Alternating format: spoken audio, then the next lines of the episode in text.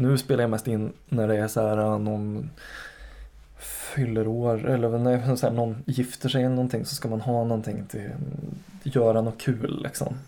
Och då så är det alltid enkelt när man har lite inspelning och är lite duktig på att redigera musik och göra lite så här kan man skriva om något och göra lite, lite, lite mer ambitiöst än bara vi har skrivit en sång som vi tänkte sjunga här. Eh grattis idag. Ja, ja, du precis. är så bra. Gött. Så mm. inte så mycket musik nu för tiden alltså? Nej, mindre. Mindre. Mm.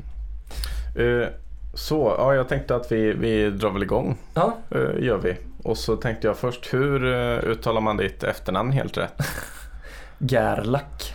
Gerlach? Ja, ah, okej. Okay. Det har jag faktiskt aldrig hört någon säga. Nej, jag har, jag, jag har inte kämpat för att en forsa, vad heter det på svenska?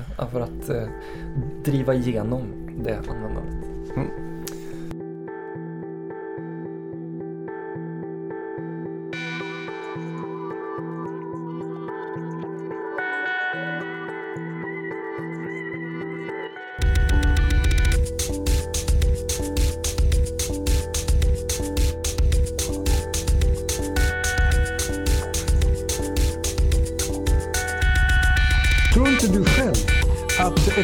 Incitament för att förbättra sina omständigheter, för att förbättra sin kompetens och sina kunskaper är just hunger. Vi har tagit ansvar för svensk ekonomi och skapat ordning och reda i mycket svåra tider. Alltså, I Stockholm är smartare än lantisar. Ja. I Moderaterna Sverige så känner ju inte folk, känner inte folk den här tryggheten. Jag, tycker att skulle jobba lite mindre. Uppriktigt sagt alltså. Varje ny reform måste finansieras krona för krona.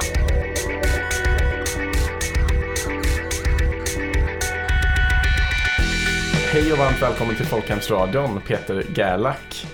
Tack. Och efternamnet fick vi rätt också, jätteroligt. Uh, du är föräldraledig just nu, eller hur? Mm. Uh, men annars så tidigare har du sysslat ganska mycket med nationalekonomi och, och titta på grafer och sådana där saker, eller hur? Mm. Precis, men nu, ja, du har ju precis egentligen bytt jobb, som jag förstår det. Ja, eh, typ, jag är föräldraledig nu. Ja. När jag kommer tillbaka så ska jag Innan jag, eller egentligen var det väl så här att innan jag gick på föräldraledighet kan man säga förenklat så var jag på Finansdepartementet som planeringschef åt finansministern, mm. stabschef. Eh, men när jag kommer tillbaka från min föräldraledighet i vår och det är nära till valet ska jag gå över till partikansliet och jobba ett par månader fram till valdagen. Eh, och då kommer du syssla med typ omvärldsbevakning. Ja, jag kommer mm. leda det som är ett litet omvärldsteam som vi har som mm. jobbar med att ha koll på andra aktörer, vad de tycker och föreslår och säger egentligen. Mm. Och det är främst andra partier och vad, vad ligger i deras budgetar och vad föreslår de för politik. Mm. Spännande, kul. Eh, jag kom faktiskt först i kontakt med dig när jag läste nationalekonomi för vänstern. Mm. När jag började engagera mig så, så uh, letade jag liksom uh, ja, men litteratur för att dels lära mig lite om en, alltså grunderna för nationalekonomi. Så jag köpte, vad heter det, Claes Eklund. Precis, vår, vår ekonomi. Precis, och sen så köpte jag den här nationalekonomi för vänstern som du var med och skrev då. Vår ekonomi kommer upp, ut i ny upplaga precis. Jag har petat lite i Magdalenas text på baksidan. Ja, kul. uh, hur, hur kom det sig att ni, ni valde att skriva den här boken, Nationalekonomi för vänstern? Det var egentligen när jag studerade uh, nationalekonomi på Handelshögskolan som jag tyckte att uh, väldigt många av de som forskade eller som många duktiga ekonomer och mycket av ekonomisk teori var väldigt sossig. Egentligen. Det är konstigt att den heter nationalekonomi för vänstern och det heter nationalekonomi för sossar. Mm. Eh, men eh, då, då tyckte jag väl egentligen att det var väl två syften. Delvis ville man väl visa att det fanns massa duktiga ekonomer som var med och skrev och som eh, eh kunde vara goda förebilder för andra med eh, jämlika värderingar som också studerar ekonomi eller funderar på att studera ekonomi. Men sen också för att folk som eh, ehm, för, att folk skulle få en klarare bild av att nationalekonomi inte behöver vara bara mm, liksom högertokigheter utan att visa att väldigt mycket av teoribildningen är sånt som förklarar varför vi vill ha en välfärdsstat och varför det kan vara korkat med vinstdrivande skolor eller varför eh, privata sjukvårdsförsäkringar eh, alla USA är en dum idé eller liksom massa saker som, Mm. som egentligen är rätt, eh, ja, eh, faller en i smaken om man, eh, om man är socialdemokrat. Precis, jag kommer ihåg ni tog upp eh, till exempel det med tillgången till information i boken som, som eh, kund på en marknad och att det är liksom svårt det här med att avgöra vilken kirurg som skär bäst utan att man kommer snarare bedöma andra Ja, saker liksom. Ja, man har ingen, alltså man brukar skilja på tjänster som man kan liksom, ja. Kaffet där i kaffeautomaten som jag fick precis, det är väldigt lätt för mig att känna om det här var ett bra kaffe eller ett dåligt kaffe och vill jag ha det igen eller inte. Eh, Det är liksom en enkel vara på det sättet. Sen finns det sådana varor som jag kanske eh, inte har en aning om. Även efter jag har liksom brukat den, eller Mm. tjänster. Mm. Var det här bra eller var det här, till exempel om jag har varit, eh, idag har jag varit på bilprovningen till exempel. Mm. Kollade de min bil bra? Who the fuck knows? Jag har Ja, ingen jävla precis. aning. Jag kan ingenting om bilar. Jag bara litar på att de gör ett vettigt jobb och säger Mm. till om det är och inte försöker lura mig att göra någonting. Mm. Eh, och då gäller det att eh, ha incitamenten rätt om man eh, har sådana utmaningar med en viss tjänst, till exempel sjukvård eller, eller bilprovning. Men bra bok i alla fall. Rekommenderar verkligen den till folk som lyssnar. Nu ska vi se, jag tänker vi backar bandet lite. Eh, du har jobbat ett par år nu på Finansdepartementet tidigare. Hur, hur, eh, hur är det egentligen att jobba under en regering? Hur, hur känns det? Det måste vara ganska mycket. Det är, ja det är det. Det är professionellt är det fantastiskt. Det är ju liksom jag som ekonom och politiskt aktiv så är ju att vara liksom stabschef på Finansdepartementet det bästa jobb jag kan tänka mig. Mm. Men eh, som tvåbarnspappa så kanske det inte är det bästa jobb jag kan tänka mig. Eh, och man är ju liksom eh, man jobbar för finansministern. Finansministern är alltid i tjänst och jobbar dygnet runt. Och eh, det kan väl vara lite skillnad mellan olika individer men nu råkar vi ha en finansminister som också eh, verkligen gör det. Eh, Mm. Och man finns ju till för att stötta henne i det arbetet. Och eh, i och med att hon alltid är liksom exponerad, behöver förstå, behöver kunna, behöver sätta sig in i nya frågor, behöver liksom ha eh, material och liksom perspektiv så eh, behöver man själv alltid också jobba med det. Mm. Men, men sen, och det är ju väldigt svårt, man måste lära sig väldigt mycket om, lite grann om allt eh, och mycket om vissa saker. Men det är ju sjukt roligt, utmanande och, eh, och berikande. Mm.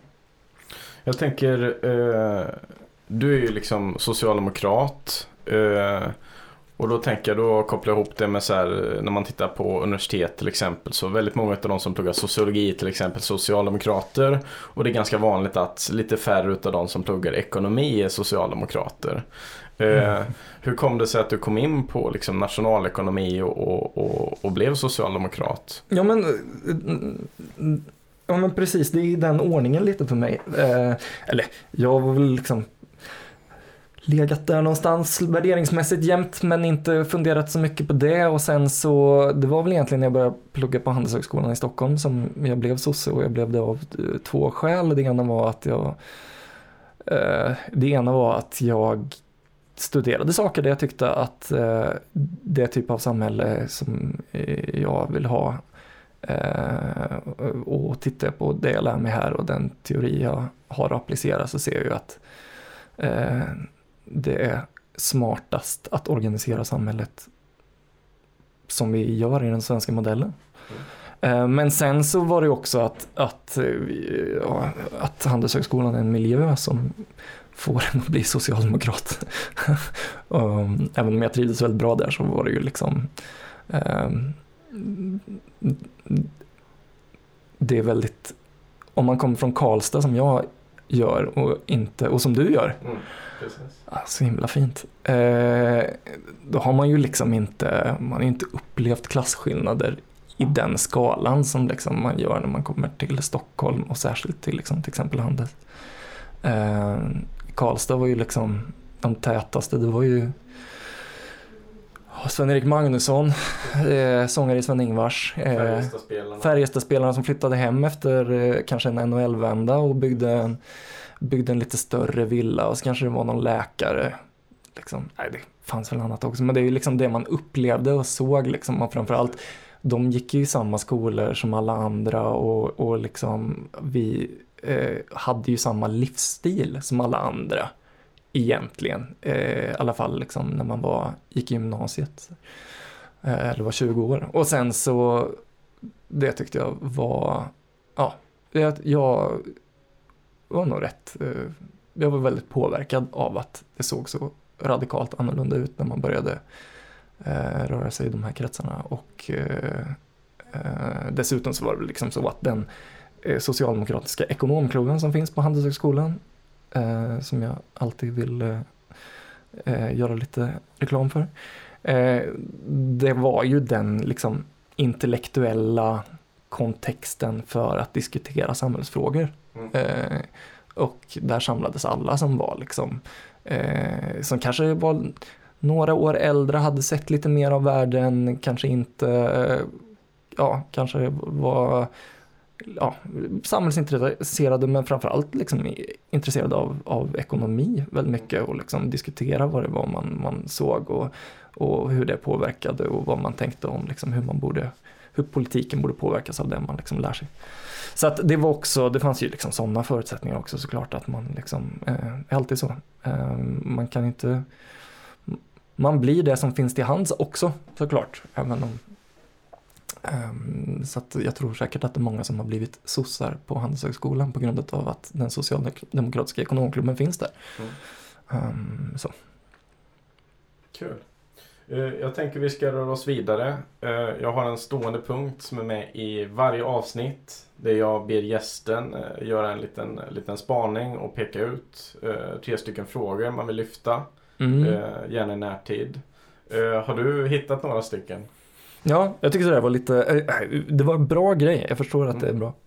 Jag blev bara lite överrumplad först när jag började läsa här vad du sa att du ville ha ut av mig. Men jag tyckte, jag tyckte egentligen tre saker, hmm, så himla dagsaktuellt är det inte. Jag har varit i, jag är ju föräldraledig, jag försöker mediafasta och verkligen inte tänka på svensk politik så mycket. Men men jag såg en sak som jag tyckte var intressant och som säkert ingen har noterat, men eh, det är att Riksbanken gick förra veckan ut och eh, upp, liksom, hade ett liksom, tankepapper kan man säga där de började diskutera insamlingen av förmögenhetsstatistik och att man borde eh, ta upp det eh, igen och att då Riksbanken skulle liksom, ta initiativ till det här. Det tyckte jag var väldigt bra. Jag har inte däremot följt om det varit någon debatt om det överhuvudtaget, men det, det är Eh, jag tänker att man skulle kunna säga några saker om varför det här är intressant och varför det är viktigt och vad bakgrunden är. Ehm, och enkelt sett, man kan väl säga så här att fram till 2007 så hade vi väldigt bra förmögenhetsstatistik i Sverige och det var ju helt enkelt för att vi hade en förmögenhetsskatt och folk behövde rapportera eh, och redovisa liksom hur eh, det här såg ut. Um, men sen dess så har vi inte haft det och man sen 2007 då, då förmögenhetsskatten avskaffades så har vi inte haft det och man valde då att även avskaffa statistikinsamlingen, vilket man inte hade behövt göra. Till exempel så avskaffar man ju fastighetsskatten men man fortsatte ju ha eh, kvar systemet taxeringsvärden och sånt där på Precis. ett liknande sätt. Precis. Kan Eh. det finnas ett politiskt motiv där? Självklart gjorde det det. Det var väldigt tydligt. Eh, Men, och varför är Riksbanken intresserad av det här? Jo, men det, det diskuteras ju väldigt mycket om om eh, hushållens skuldsättning och vilka risker som finns i ekonomin och så här. Och, och det är ju såklart, man kan titta på, man har rätt bra bild av liksom hur mycket skulder folk har och ehm, hur mycket lån som bankerna har ställt ut. För det har ju liksom Finansinspektionen och, och, och Riksbanken och så koll på. Men det som man inte vet då det är ju vad har de för tillgångar samma hushåll som har de här skulderna. Eh, eh, och det är ju väldigt, väldigt relevant för att visst, vi har sett att skulderna har ökat mycket men vi får ju också indikationer om att folk sparar rätt mycket. Mm. Eh, och hur går det där ihop då?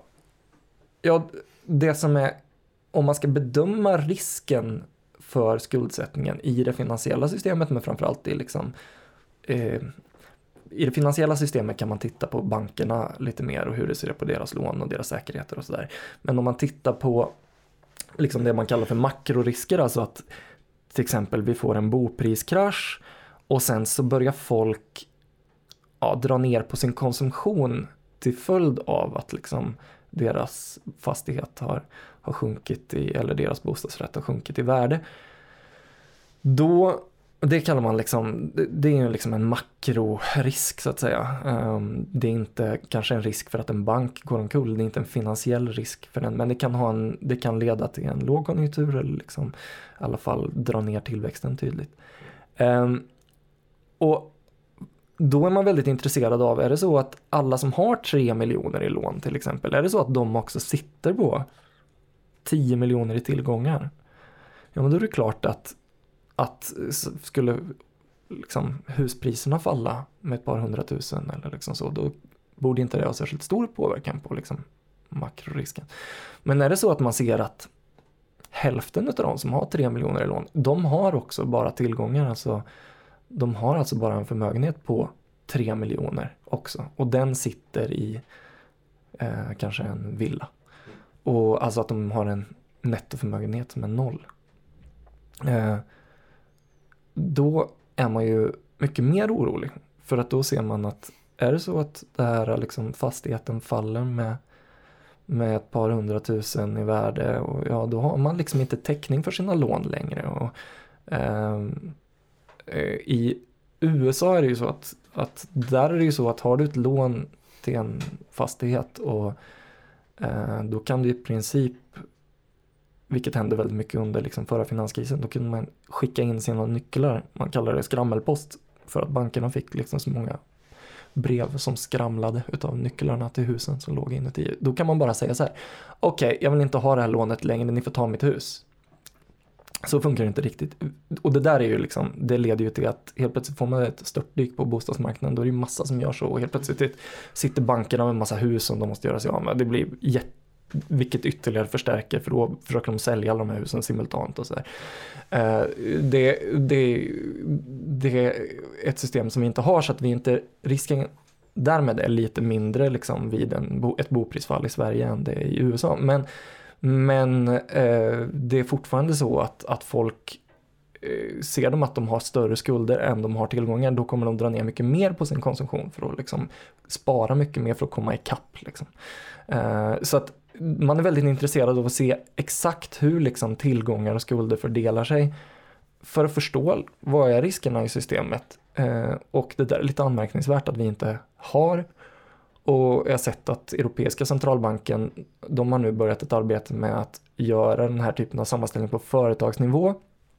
Eh, Och har i sin plan, som jag förstår det, att också introducera det här liksom på hushållsnivå, liksom genom hela eurozonen då framförallt. allt. Eh, så att det är inte unikt för Sverige, men vi har ju haft bra förmögenhetsstatistik, men har inte det. Och generellt sett så har ju Sverige väldigt bra statistik när det gäller det mesta. Så varför vi inte vet någonting om en sån här central fråga egentligen idag är jävligt märkligt. Eh, särskilt om man vill vara ett land som ligger långt fram i forskning och, och så. Eh, så att det är ju det är ju därför Riksbanken efterfrågar det. Sen är det ju liksom allting, alla som är intresserade av att förstå. Vi vet ju mycket om hur inkomsterna fördelar sig såklart, men det är också lite klurigt för att i allmänhet eh, så tittar vi på inkomster liksom ett år i taget. Eh, Vi följer inte samma individer och så. Förmögenheter är lättare att titta på liksom hur ja, största förklaringen till vad du har för förmögenheten ett visst år är ju såklart vilken förmögenhet du hade förra året. Och, ehm, det är någonting som jag tror skulle vara väldigt hjälpsamt för att liksom bättre förstå eh, ojämlikheten i samhället, vad det betyder för ekonomin. Och jag, tänker, jag tänker också att jag menar, om vi nu som, eh, som eh, ja, men TCO och LO till exempel yttrat sig om att man vill ha en stor eh, så här, skatt, översyn av skattesystemet. Jag tror Centerpartiet pratar om det också. Mm. Eh, då behöver man ju liksom alla fakta på bordet också för att kunna ta hänsyn till vilken skattebas man ska ha. Verkligen. Och jag, jag, jag tror ju, och vi har ju sett ett väldigt stort skifte ska vi säga, att det som det som framförallt hände under förra regeringen, eh, eller man kan säga så här att, att det är ju i huvudsak liksom um, de som klagar på att liksom marginalskatter eller liksom av höga inkomster är för höga idag, de eh, tänker sällan på att, att när de var lite lägre, för de har ökat med några procentenheter eh, under den här mandatperioden, men när de var lite lägre under till exempel 2002 till 2006, då hade vi också en förmögenhetsskatt och vi hade en fastighetsskatt och vi hade sånt som, som mycket mer liksom påverkade de högre inkomstskikten. Eh, även om det inte var riktat mot inkomster utan då på tillgångar. Mm. Eh, och eh, jag tror ju att vill man eh, till exempel sänka, som Centerpartiet, vill man sänka eh, eh, inkomstbeskattningen för höginkomsttagare, ja då måste man kompensera med högre skatt på, på förmögenhet eller, mm. eller på kapitalinkomster eller någonting. Eh, för att, att vi skulle ha ett liksom, system som är mycket mer, mindre omfördelande än det svenska, som inte är särskilt omfördelande redan mm. idag, skulle vara, liksom, det skulle vara väldigt märkligt. Och det tror jag inte stödet är så stort för. Nej. Så, eh, det var den första punkten. Eller, mm. ja. ja. Eh, vad tänker du sen då? Hmm, jo, men eh, en fråga som verkligen inte är så dagsaktuell, men som jag gärna pratar lite om. Mm. Eh, det är ju demografin. Mm. Det här är någonting som eh, konstigt, jag, jag, jag, har inte, jag har inte varit med i flera decennier och så, så att jag har inte något jättelångt perspektiv på det här. Men min känsla är ändå att man har diskuterat den demografiska utmaningen liksom sedan väldigt länge. Liksom. Man har varit medveten om det här sen eh, egentligen man har sett att man har liksom en 40-talist. Man har köttberget som Nuder uttryckte det. Eh, och Eh, det som kanske inte folk förstår är att just nu det har ju liksom varit någonting som legat i horisonten jämt och just nu befinner vi oss liksom i det skifte som man hela tiden har pratat om som den demografiska utmaningen. Och det är ju alltså så att det är framförallt då eh, så att man länge har förutsett att de här 40-talisterna ska gå i pension och just det har de ju i huvudsak gjort redan. Men när folk går i pension så är de inte så dyra i drift utan när det gäller liksom omsorg, sjukvård och så. Det ökar framförallt när man blir över kanske 75-80. Mm. Eh, och räknar man baklänges från liksom 1940 och lägger på 75 år på det, då är man ju på, eh, eller 1945 och lägger på 75 år på det så är man på, på 2020. Liksom. Eh, och tittar man då, egentligen är det så att om man tittar på liksom andelen av befolkningen som är under 20 eller över 75 så var det så att den var som lägst 2014. Liksom. Då hade vi det mest demografiskt gynnsamma läget vi haft på väldigt länge då, i Sverige med i alla fall ur ett liksom, kostnadsperspektiv för till exempel välfärden. Ja. Eh, och i, fram till 2022 så ser man en, liksom, det gäller egentligen nu fram till, man kan säga de kommande tio åren eller tolv åren, kommande tre mandatperioderna eh, eh, ser man liksom en kraftig ökning av den här andelen som sen stabiliserar sig eh, mot slutet av, av 2020-talet. Och eh, just en av de största ökningarna är fram till 2022. Eh, och det är inte egentligen, det är faktiskt inte så att det är framför allt då, det är delvis då att, att vi får en högre andel äldre i befolkningen. Men det är inte det som är den största effekten, den största delen det är att vi har väldigt många ungar som, som är liksom eh, just nu och är i skol och förskoleålder. Eh, och det ökar rätt dramatiskt fram till, eh, om man tittar fram till 2025 så ökar liksom förskole, fram till 2025 så ökar eh, andelen förskoleelever, eller antalet förskoleelever med 12 procent, eh, grundskoleelever med 12 procent, gymnasieskoleelever med 21 procent, de som liksom kan behöva äldreboende och sånt ökar med 14 procent. Eh, och man förstår ju att liksom, det är inte som att befolkningen ökar med 12 procent de kommande fem åren. Liksom. Det är ju en väldigt tydlig, liksom, dramatisk högre ökning utav just de här, de här skolåldrarna och det, det är ju den största eh, kostnaden så att säga i, i för kommunerna egentligen.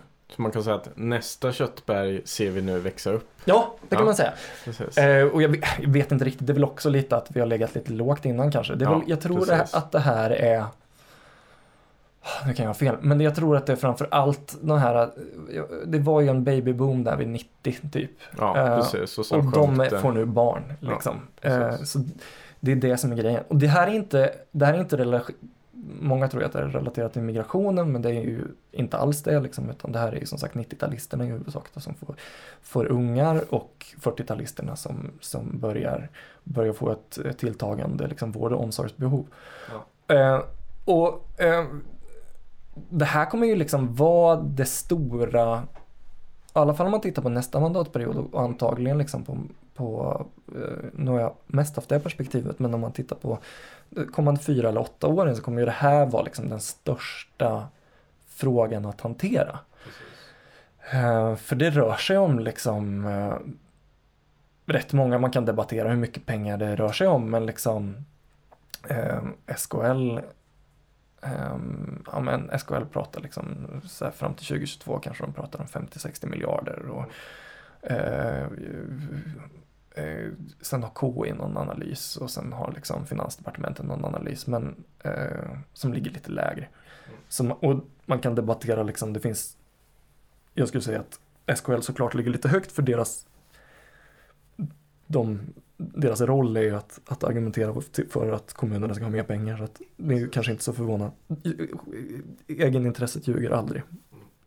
Men, men det är ändå det, det är ändå väldigt tydligt att det här kommer vara den största utmaningen. Och om man då tittar på det politiska landskapet inför det här så eh, liksom vad de olika partierna kommer gå fram med liksom, eh, inför nästa val för program inför nästa mandatperiod så, så ehm, är det klart att de här massiva skattesänkningarna som, eh, som eh, de borgerliga partierna ser framför sig, de kommer ju innebära i sånt fall att man inte klarar att skjuta till de resurser till välfärden som kommer behövas. Man kan väl egentligen säga att så länge man inte höjer statsbidragen så kommer välfärden försämras. Ja, eller kommunalskatten åker Ja, uppåt rätt precis. kraftigt. Liksom. Precis. Och jag tycker inte, eh, man ska inte överdriva liksom, LO brukar säga att det är dåligt att höja kommunalskatten eh, för att den är platt och sådär.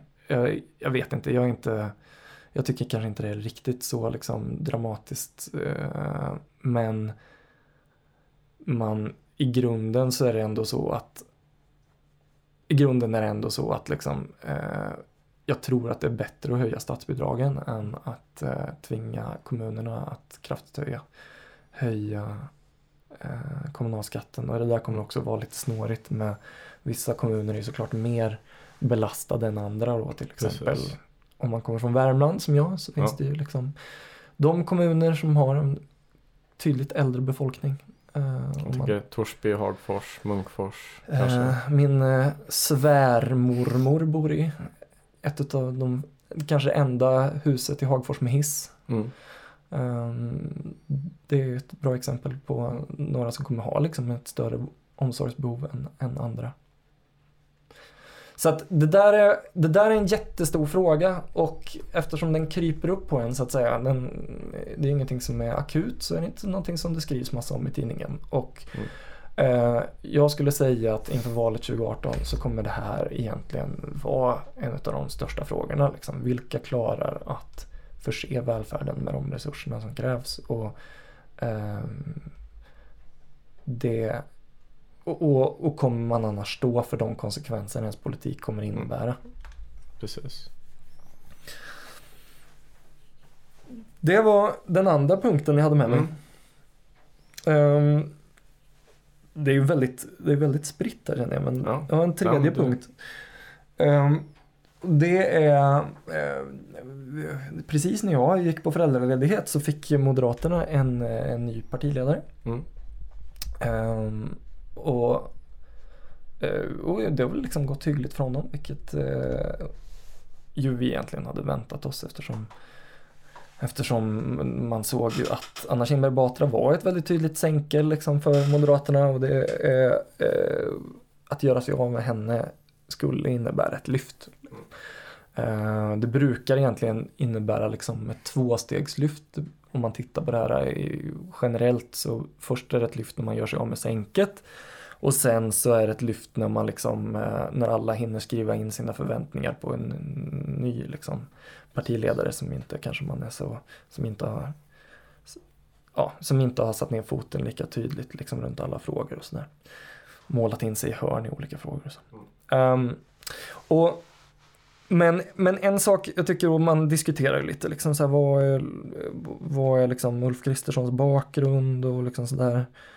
Ehm, men jag tycker liksom rent politiskt eh, det som är intressantast med Ulf Kristersson och som eh, som ska bli mer, mest spännande att se egentligen det är ju det man ser från hans tid i Stockholm 2006 till 2010 då han var borgarråd och var liksom den högst profilerade moderaten tillsammans med såklart Sten Nordin då som var finansborgarråd och som var liksom nummer ett. Men sen var det ju Ulf Kristersson väldigt tydligt. Och det som, är frå- det som hände i Stockholm 2006 till 2010 är ja, det var ju under den perioden som jag eh, blev organiserad socialdemokrat och en av anledningarna var väldigt tydligt vad som hände i Stockholm 2006 till 2010. Man sålde ut väldigt mycket, man ombildade ju väldigt mycket hyresrätter till bostadsrätter till eh, väldigt låga priser eller sålde den till, sålde ut allmännyttan till eh, privata fastighetsbolag för väldigt låga pengar. Ehm, och det var ju ja, ur ett lite längre perspektiv under de två man, borgerliga mandatperioderna så var det väl någonstans 30 000 lägenheter som ombildades eller såldes ut. Eh, eh, och eh, den absoluta majoriteten av dem såldes ju under de första, under Kristerssons år. Och det var den, då liksom riktningen sattes. Ehm, och det eh, det är ju liksom en sak. Eh, men sen är det ju också eh, framförallt då de här eh, välfärdsverksamheterna. Förskolor, hemtjänstverksamheter, eh, äldreboenden med mera som såldes eh, för vad som var kaffepengar. Ehm, och det där upphörde ju egentligen Eh, Eh, det på, fortsatte inte sen andra mandatperioden utan det var 2006 till 2010 det, det pågick. Eh, och det så det var så groteskt upprörande. Eh, dels för att eh, det är ju min liksom, det är ju min förskola. Jag är ju delägare i den här. Den har byggts upp liksom för kommunala pengar och sen så sen så, eh, så liksom skänker man bort den. Mm. Eh, och det där var ju inte heller lagligt. Eh, men jag tycker liksom den borgerliga regeringen under liksom den andra mandatperioden liksom tog lite avstånd ifrån det här och, och liksom, jag vet att det ställdes någon interpellation till Beatrice Ask när hon var justitieminister om varför, i och med att det här hade liksom då kommit fram, det hade dömts av att det här var olagliga utförsäljningar. Um, så, så frågar man varför inte det hade fått några juridiska påföljder. Um, och då var svaret, uh, jag har en citat, då, då, sa, då, sa, då sa Beatrice Ask att det är inte olagligt att vara korkad eller göra dåliga affärer eller att ha dåligt omdöme. Uh, man frågar då varför inte till exempel Kristersson hade liksom eh, dömts för det här. Ehm, och så att man tog liksom tydligt avstånd från det. Men utav de som var med, liksom, eh, till exempel Ulf Kristersson eller Sten Nordin eller de så är det ju ingen som, man vet liksom inte om de tyckte att det här var rätt och om de liksom skulle ha gjort om det idag eller liksom, tycker, kommer de driva en politik som kommer liksom fortsätta i den riktningen och tyckte man att det här var bra. Man sålde då till exempel hemtjänstleverantör som alltså i kommunal regi gick, gick med ja, någonstans 2,5 miljon i överskott varje år. Mm. Sålde man för så här, nu kommer jag inte ihåg då, 50 000 eller någonting. Då. När den i kommunal regi gått med liksom miljonöverskott. Mm. Eh, det, det är väl en fråga som, som jag tycker är seriös eh, och som, som rör liksom politik mm. på riktigt. Och vad, vad kommer, hur kommer Moderaterna se på liksom utförsäljningar och privatiseringar? För eh, där har de ju varit lite svajiga. De har ju liksom velat, de har inte riktigt velat stå upp där har ju till exempel Annie Lööf och, och Centerpartiet har ju varit mycket tydligare att de vill ha vinstdrivande skolor. Eh, och medan liksom eh, Moderaterna har mer mumlat någonting om att det där med riskkapitalbolag eh, som äger skolor det kanske inte är så bra liksom. Eller, och det har ju liksom Jan Björklund också gjort och sådär. Man, men man vet liksom inte man har ju förstått att det är en politisk strategi men man vet inte hur liksom mycket som egentligen delvis av den strategin som också kommer finnas kvar framöver, även med liksom Kristersson, men man vet heller inte hur mycket av det som var just strategi och hur mycket som var, som var liksom ärlig substans. Mm. Så det där tycker jag är spännande, eh, för det är ju liksom anledningen till att det är spännande mer än andra saker också, det är att det är sådär, det där är ju riktiga systemskiftesfrågor, det är ju inte, det är inte så, eller det är i alla fall väldigt svårt att reversera de besluten. Vi har inte kunnat expropriera liksom, de här verksamheterna. Även ens, till och med när de bedömdes då liksom dömdes ut som olagliga så har man inte kunnat reversera beslutet och Stockholm har inte kunnat få tillbaka sina pengar för det där. Mm. Eh, eh, det är ju, det gör ju att eh, höjer man eller sänker skatten, det är klart att det är svårt att reversera beslutet för att det är impopulärt att visa att så här, nej, man sänkte skatten alldeles för mycket så att man eh, gick med stora underskott. Så kan vi inte ha det. Det här måste vi reversera och liksom eh, det är väl egentligen det som har hänt under den här mandatperioden på många punkter. Liksom. Men, och det är klart att det har kostat politiskt. Men det är ändå görbart. Mm. Eh, däremot att, eh, att reversera det här har ju varit väsentligt mycket svårare. Så att därför tycker jag det är spännande. Vi ska se vart, vart det tar vägen och synen på välfärden och privatiseringar då hos Moderaterna nu när de börjar bli lite mer classic mm. så att säga. Det kommer bli en uh, spännande, ett spännande valår framför oss. Mm. Verkligen. Uh, yes, så tre frågor. Det var ganska bra genomgångar. Ganska mycket uh, ekonomi och, och saker kopplat till det. Det stämmer ju ganska in på din, bra in på din profil tänker jag.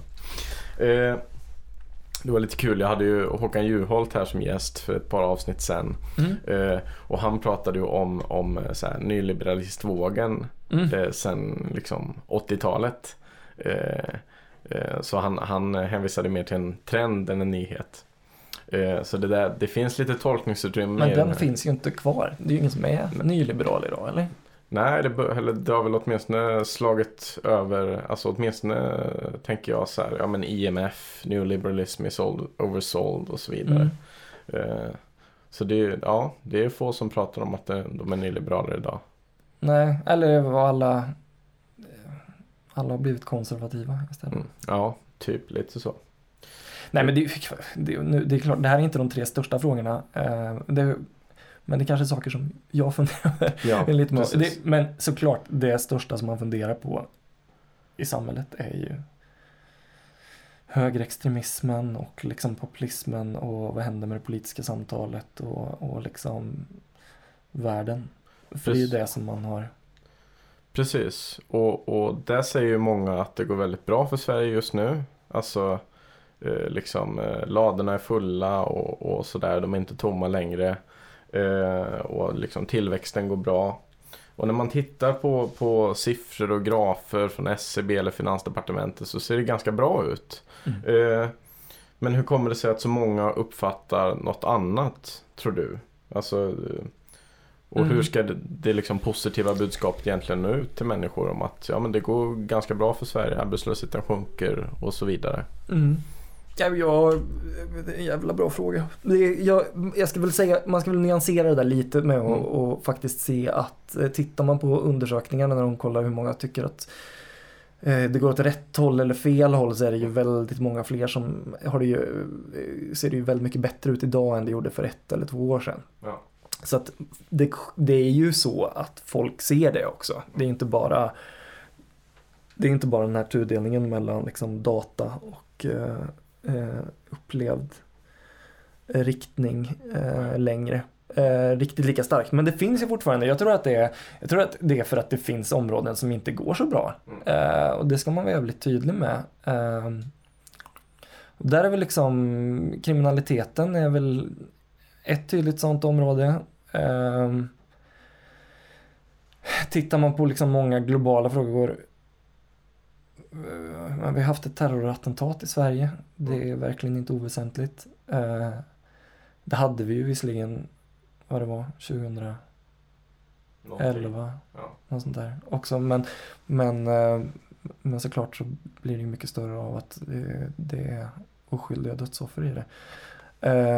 Det är också så att vi har ju liksom globala utmaningar och problem som ju inte känns bättre idag med liksom Trump, Nordkorea, Nordkorea. Ryssland. Eh, eh, såklart, eh, vad hände med Parisavtalet när USA lämnar och liksom massa klimat och sånt. Så det finns väl också sånt, även om jag inte vet hur stort det är. Men det som jag tycker framförallt är, är en sak som jag själv, eh, om jag skulle ha fått frågan för något år sedan om det går åt rätt eller fel håll, även om liksom den ekonomiska statistiken gick åt rätt håll så kunde jag ju ändå känna att, att väldigt mycket gick åt fel håll just med liksom en höger extremism på frammarsch. Man ser liksom Sverigedemokraterna eh, eh, springer med järnrör på stan och det enda som händer är väl liksom i deras statistik, liksom sympatier är att det kanske om något ökar liksom. Eh, och och, så, och liksom det har väl gjort mig en rätt desillusionerad även om man tycker att den ekonomiska utvecklingen och sånt går åt rätt håll och även om man tycker att regeringen gör bra saker så kan man ju ändå tycka att det politiska liksom, läget i Sverige är eh, påfrestande. Nu skulle jag ändå säga att det går lite mer åt rätt håll även där. Även om det har varit liksom eh, nazistmarsch i Göteborg och sådär så, så är det ju ändå så att, att eh, Sverigedemokraterna har tagit en tydlig hit och man ser att eh, jag, tycker att jag tycker att man, ja, jag vet inte, det känns inte riktigt lika jag är inte lika stressad, eller jag tycker ändå man ser en riktning som är positiv och de Ja, men, men däremot så så att jag, jag tror att det finns liksom väldigt konkreta saker som ju är, är liksom, går åt fel håll. Eh, och det som folk lägger in som är minst lika viktigt som ekonomiska frågor. Liksom samhällsklimatet, samtalet. Eh, men också så tror jag ju sen vilket ju eh, förstärker det här och det är ju liksom tekniken idag. Eh, vi får nu har jag stängt av varenda notifikation på min telefon men när man inte gör det så plingar det ju hela tiden utav liksom en skjutning här och en skjutning där. Och Precis. eh, skulle någon fråga mig utan att jag hade haft koll på liksom brottsstatistiken så skulle man ju tro att liksom att eh, morden hade gått upp med flera tusen procent. Men eh, när det egentligen har eh, gått upp med, med klart mindre dramatiska siffror. Eh, och Ja, och dessutom att förr då, då gick, tittade man i lokaltidningen och så såg man polisdygnet. Mm. Nu har vi hela Sveriges polisdygn i mobilen Ja. som pushnotiser. live liksom. Precis. Precis. Nej men det, det är ju, det är, det är absolut en sak. Och sen då som sagt ett mycket hårdare klimat knutet till sociala medier. Som, Mm. eh, Det som jag kan ändå tycka är lite glädjande där, det är, dels, men delvis är det den här Ja men man hade ju den här moderata backlashen förra hösten med liksom eh, eh, Där man kände att det ändå där de var på väg i liksom att radikaliseras i någon form av liksom sociala medier strategi. Mm. Eh, och det slog tillbaks väldigt mycket eh, när eh, ljuset hamnade på det där. Mm. Och sen så, också om vi tittar det österrikiska valet som ju var här för två veckor sedan, eller var det tre veckor sedan, där, där Socialdemokraterna eh, ju hade gett sig in på någon liksom Trump-liknande statistik av liksom väldigt negativ campaigning med riktade annonsköp med big data och sådär och eh, det, där det ja, där, där det också liksom väljarna markerade avstånd mot det. Mm. Eh, eh, det gör ju ändå att, att det kanske Annars kanske man var, tänkte ett tag att man är på väg mot en värld där det är liksom den enda strategin som kommer liksom finnas kvar. Eh, nu känns det lite mindre attraktivt eh, Precis. än det kanske gjorde då vid amerikanska valet eller i november 2000, 2016. Precis, när, när liksom eh, artiklarna om Stanford Analytica cirkulerade. Ja. Precis. Så det är väl, det är väl eh, den otydliga förklaringen till den där Mm. tudelningen. Och sen, och sen är det kan väl också lägga till att jag har tänkt mycket på att det har ju liksom varit en legitim diskussion om migrationen eh, som har varit liksom eh, som har funnits och varit viktig ändå skulle jag säga, eller nö, viktig, jag vet inte vad den har varit, men den har ändå, den har funnits och det, är helt rimligt att det har rapporterats om det som det har gjort. Och man har liksom funderat på vad innebär det här för Sverige och sådär. Eh, eh, och den har ju gött eh, en mycket mer extrem liksom eh, eh, undervegetation liksom knutet till det där som har liksom, den har ju vilket ju såklart inte är intentionen med den men det är ju vad den har gjort och i den bästa av världar så successivt så är vi till, på väg liksom bort från, från det nu. Mm. Ja. Jag tänker en person som eh, för några år sedan för, för, liksom kunde förmedla hopp och bilden av förbättring, det var Hans Rosling. Tänkte, vi skulle behöva någon här gubbe som staplade lådor i tv i så här, eh, Sverige, så här, ja, men, hushållens förmögenhet ökar, titta här vad bra, Mm. barnfamiljerna flyttar in. Mm. Det vore ju lite trevligt. Ja, det eller var hur? väldigt trevligt. Det kan, du kan sätta dig och skriva på en sån sketch som kan köra på TED. Precis, Ja, men det är ju det som är en intressant sak med det där det är ju att, att jag, jag, anledning, det politiska samtalet har ju också blivit väldigt eh, man har ju inte velat vara positiv liksom. För att det är inte uppfattats som eh, att man har sett problemen och det Nej. är Precis. Eh, man kan liksom inte gå helt i otakt med liksom folks uppfattning om Mm. eh, och det kanske man kan göra om man har Hans Rosling och pratar om om världen för det är ju Precis. liksom någon form av det är en sån abstraktion som är och det är så brett att liksom så här, ja, det, det kan man köpa men när du pratar om mitt område eller min skola eller någonting och Precis. så då, då, då ska man nog förhålla sig lite mer liksom eh, sunt eh, kritisk liksom. Mm. Ehm, och jag, i, om man tittar det är ändå så, jag tror att en del som efterlyser ett liksom mer positivt politiskt samtal, det, eller positivt att man ska liksom prata mycket om allt som går bra.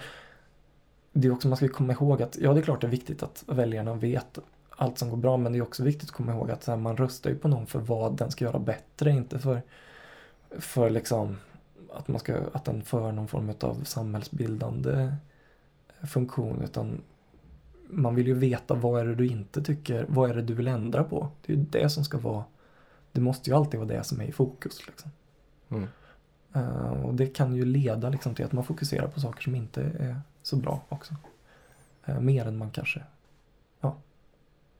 instinktivt tänker att man, om man är en regering som sitter just nu och driver en politik som ändå har bidragit väldigt högt, hög utsträckning till att vi har offentliga finanser i balans och att vi Mm. har starkare tillväxt och, och, och fler i arbete.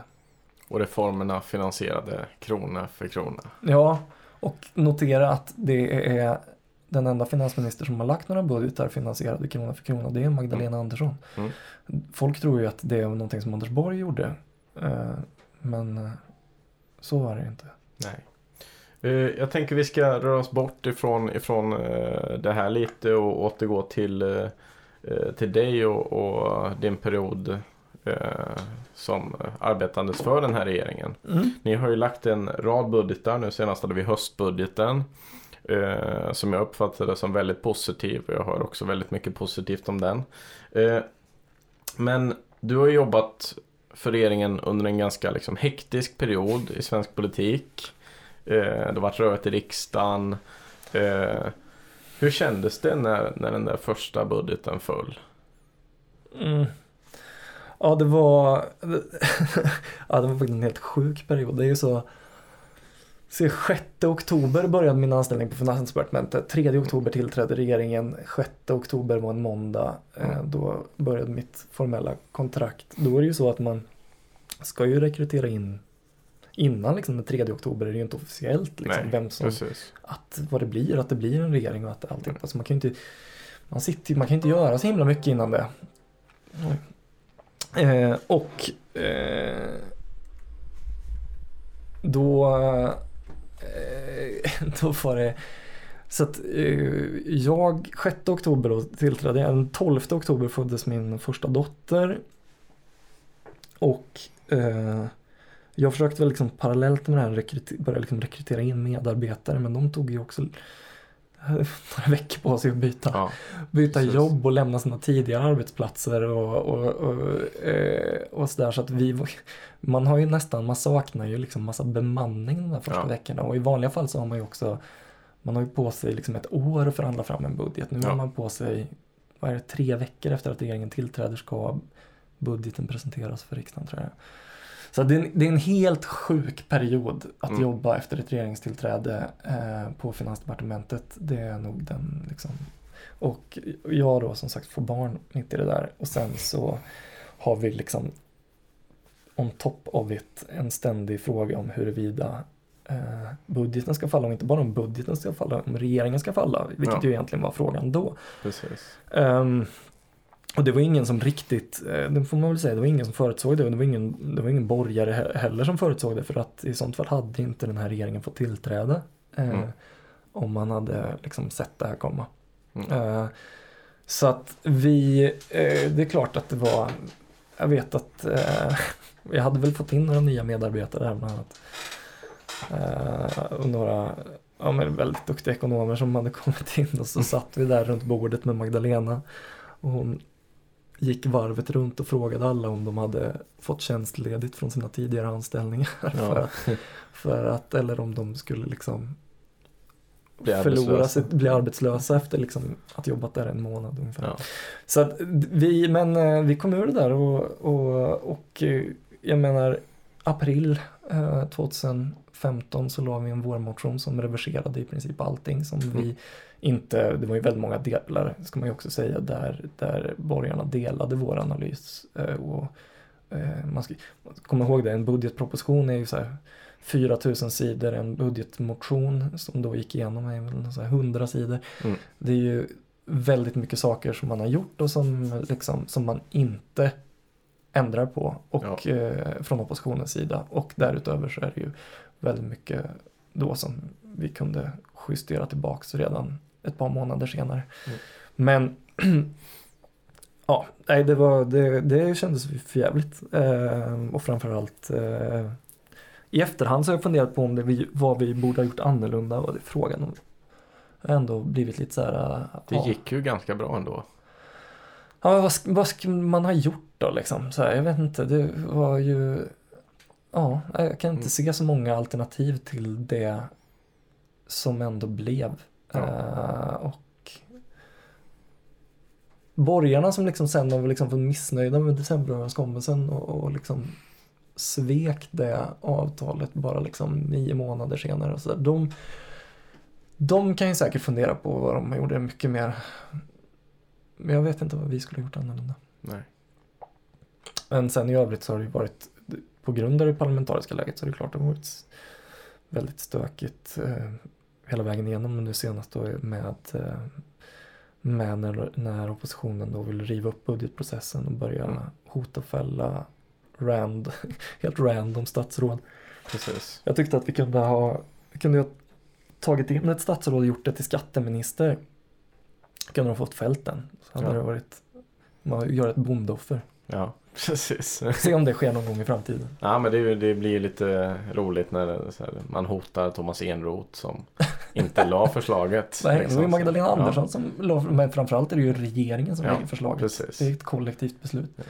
Ja, det är mycket märkligt. Ja. Eh, och det, det skulle man kunna, det skulle jag kunna prata ett helt, eh, en hel timme om bara det. Mm. Eh, och allt hur budgetlagen fungerar och varför det här är så knäppt. Men, Mm. men eh, eh, nu står vi här. 3.12-reglerna får vi ändra på en annan gång. Ja. För det var ett väldigt, väldigt bra förslag som tyvärr gick i stöpet. Så kan det vara. Jaha, vad är du mest stolt över från den här regeringen då? Eh, Förutom att vi har överlevt och Ja, suttit kvar precis. trots att Ja, det är faktiskt fascinerande. Eh, Jag har, hade jag fått bestämma mer så hade vi aldrig varit så smarta som det har visat sig att vi har varit. Och eh, Många gånger jag tycker att nej, det här är ju bara, nu är det, nu är det kört och, och så. Men så har vi hittat en lösning. Eh, Nej, jag tycker att rent politiskt så är väl liksom finansieringen av välfärden den, Ja. eh, den absolut största, största saken. Det är där det har varit mest pengar också, men det är också det, det är det som har betytt mest för folk ute i landet eh, och kommunerna ute i landet. Det är väldigt stora pengar som vi har slussat till vård, skola och omsorg. Eh, och just som jag pratade om att 2014 var det år som liksom demografin var mest gynnsam och, och, och därifrån så har liksom den blivit allt mindre gynnsam och då behöver vi den förstärkningen. Mm. Sen är det ju allt som vi gjort för att stärka svenska löntagare är såklart liksom eh, förändringarna av utstationeringsdirektivet här i förra, för förra veckan eller vad det var när dealen kom på plats. Det är ju liksom någonting som vi har jobbat för i ett decennium eller mer än det. Eh, det är ju fantastiskt. Eh, upphandlingslagstiftningen och liksom allting med att det verkligen börjar bli drag med arbetsmiljöinspektionerna som också framförallt, det är ju någonting som hänt nu på sista året tycker jag egentligen. Men Ja, och speciellt samverkansfrågan där Ja. tänker jag. Med att man börjar samverka mellan myndigheterna. Ja, det är så jävla bra. För att helt plötsligt liksom går Arbetsmiljöinspektionen och Skatteverket och eh, pol- gränspolisen eller vad det nu är Mm. tillsammans då ut och, och kan verkligen, och Ekobrottsmyndigheten är väl med liksom på ett hörn också där men det är ju verkligen liksom, nu diskar vi av allt fiffel som pågår här. Mm. Och eh, mm, jag kan tycka att det funnits en legitim kritik mot liksom det svenska myndighetsväsendet att vi har stått lite handfallna för liksom när folk utnyttjar system och när vi liksom inte riktigt vet hur vi ska förhålla oss till folk som faktiskt faktiskt beter sig som skit. Vi är Mm. liksom väldigt anpassade till att folk vill göra rätt för sig. Ja. Och det är det svenska myndighetsväsendet helt överlägset i världen för att liksom hjälpa. Mm. Men vi har varit vi har haft svårt att hantera fiffel Mm. och brott på det där sättet. Och nu tycker jag att man ser väldigt kraftfulla åtgärder. Eh, sen kanske de inte är i tillräckligt stor skala men det är verkligen ett förändrat arbetssätt som jag hoppas kommer fortsätta att växa. Mm. Och sen så har vi gjort på slutet här nu när jag i somras tror jag det var, vi gick ut med, vilket är väldigt relevant för till exempel 6Fs eh, medlemmar, men de förändrade reglerna för förändrade skattereglerna för eh, utländsk arbetskraft i Sverige som eh, ju har varit en typ av illojal konkurrens som har pågått. Man har varit väldigt, Mm. väldigt skattemässigt gynnad jämfört med svensk arbetskraft. Eh, och nu eh, skärps det här väldigt kraftfullt så att alla måste in och anmäla sig på Skatteverket om man ska jobba i Sverige om man är eh, och så att man ser att, att, att det faktiskt de skatter och avgifter som ska betalas också betalas. Mm. Och det där kommer att betyda väldigt mycket. Eh, sen är ju liksom eh, den sammantagna ekonomiska politiken är ju, tror jag, har varit väldigt rätt. Man har, vi har alltså haft ett läge där vi både har, vi har finansierat stimulerande politik.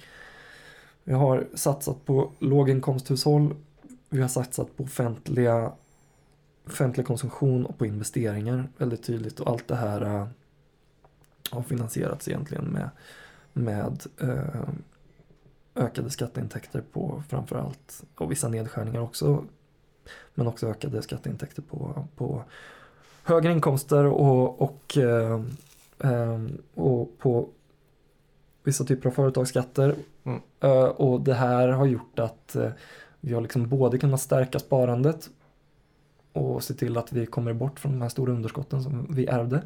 Men också att vi har kunnat liksom få fart på tillväxten på allvar. Mm. För eh, hjulen snurrar fortare när man investerar och eh, multiplikatoreffekterna är mycket större för, för offentliga investeringar och för offentlig konsumtion än vad det är för skattesänkningar för höginkomsttagare.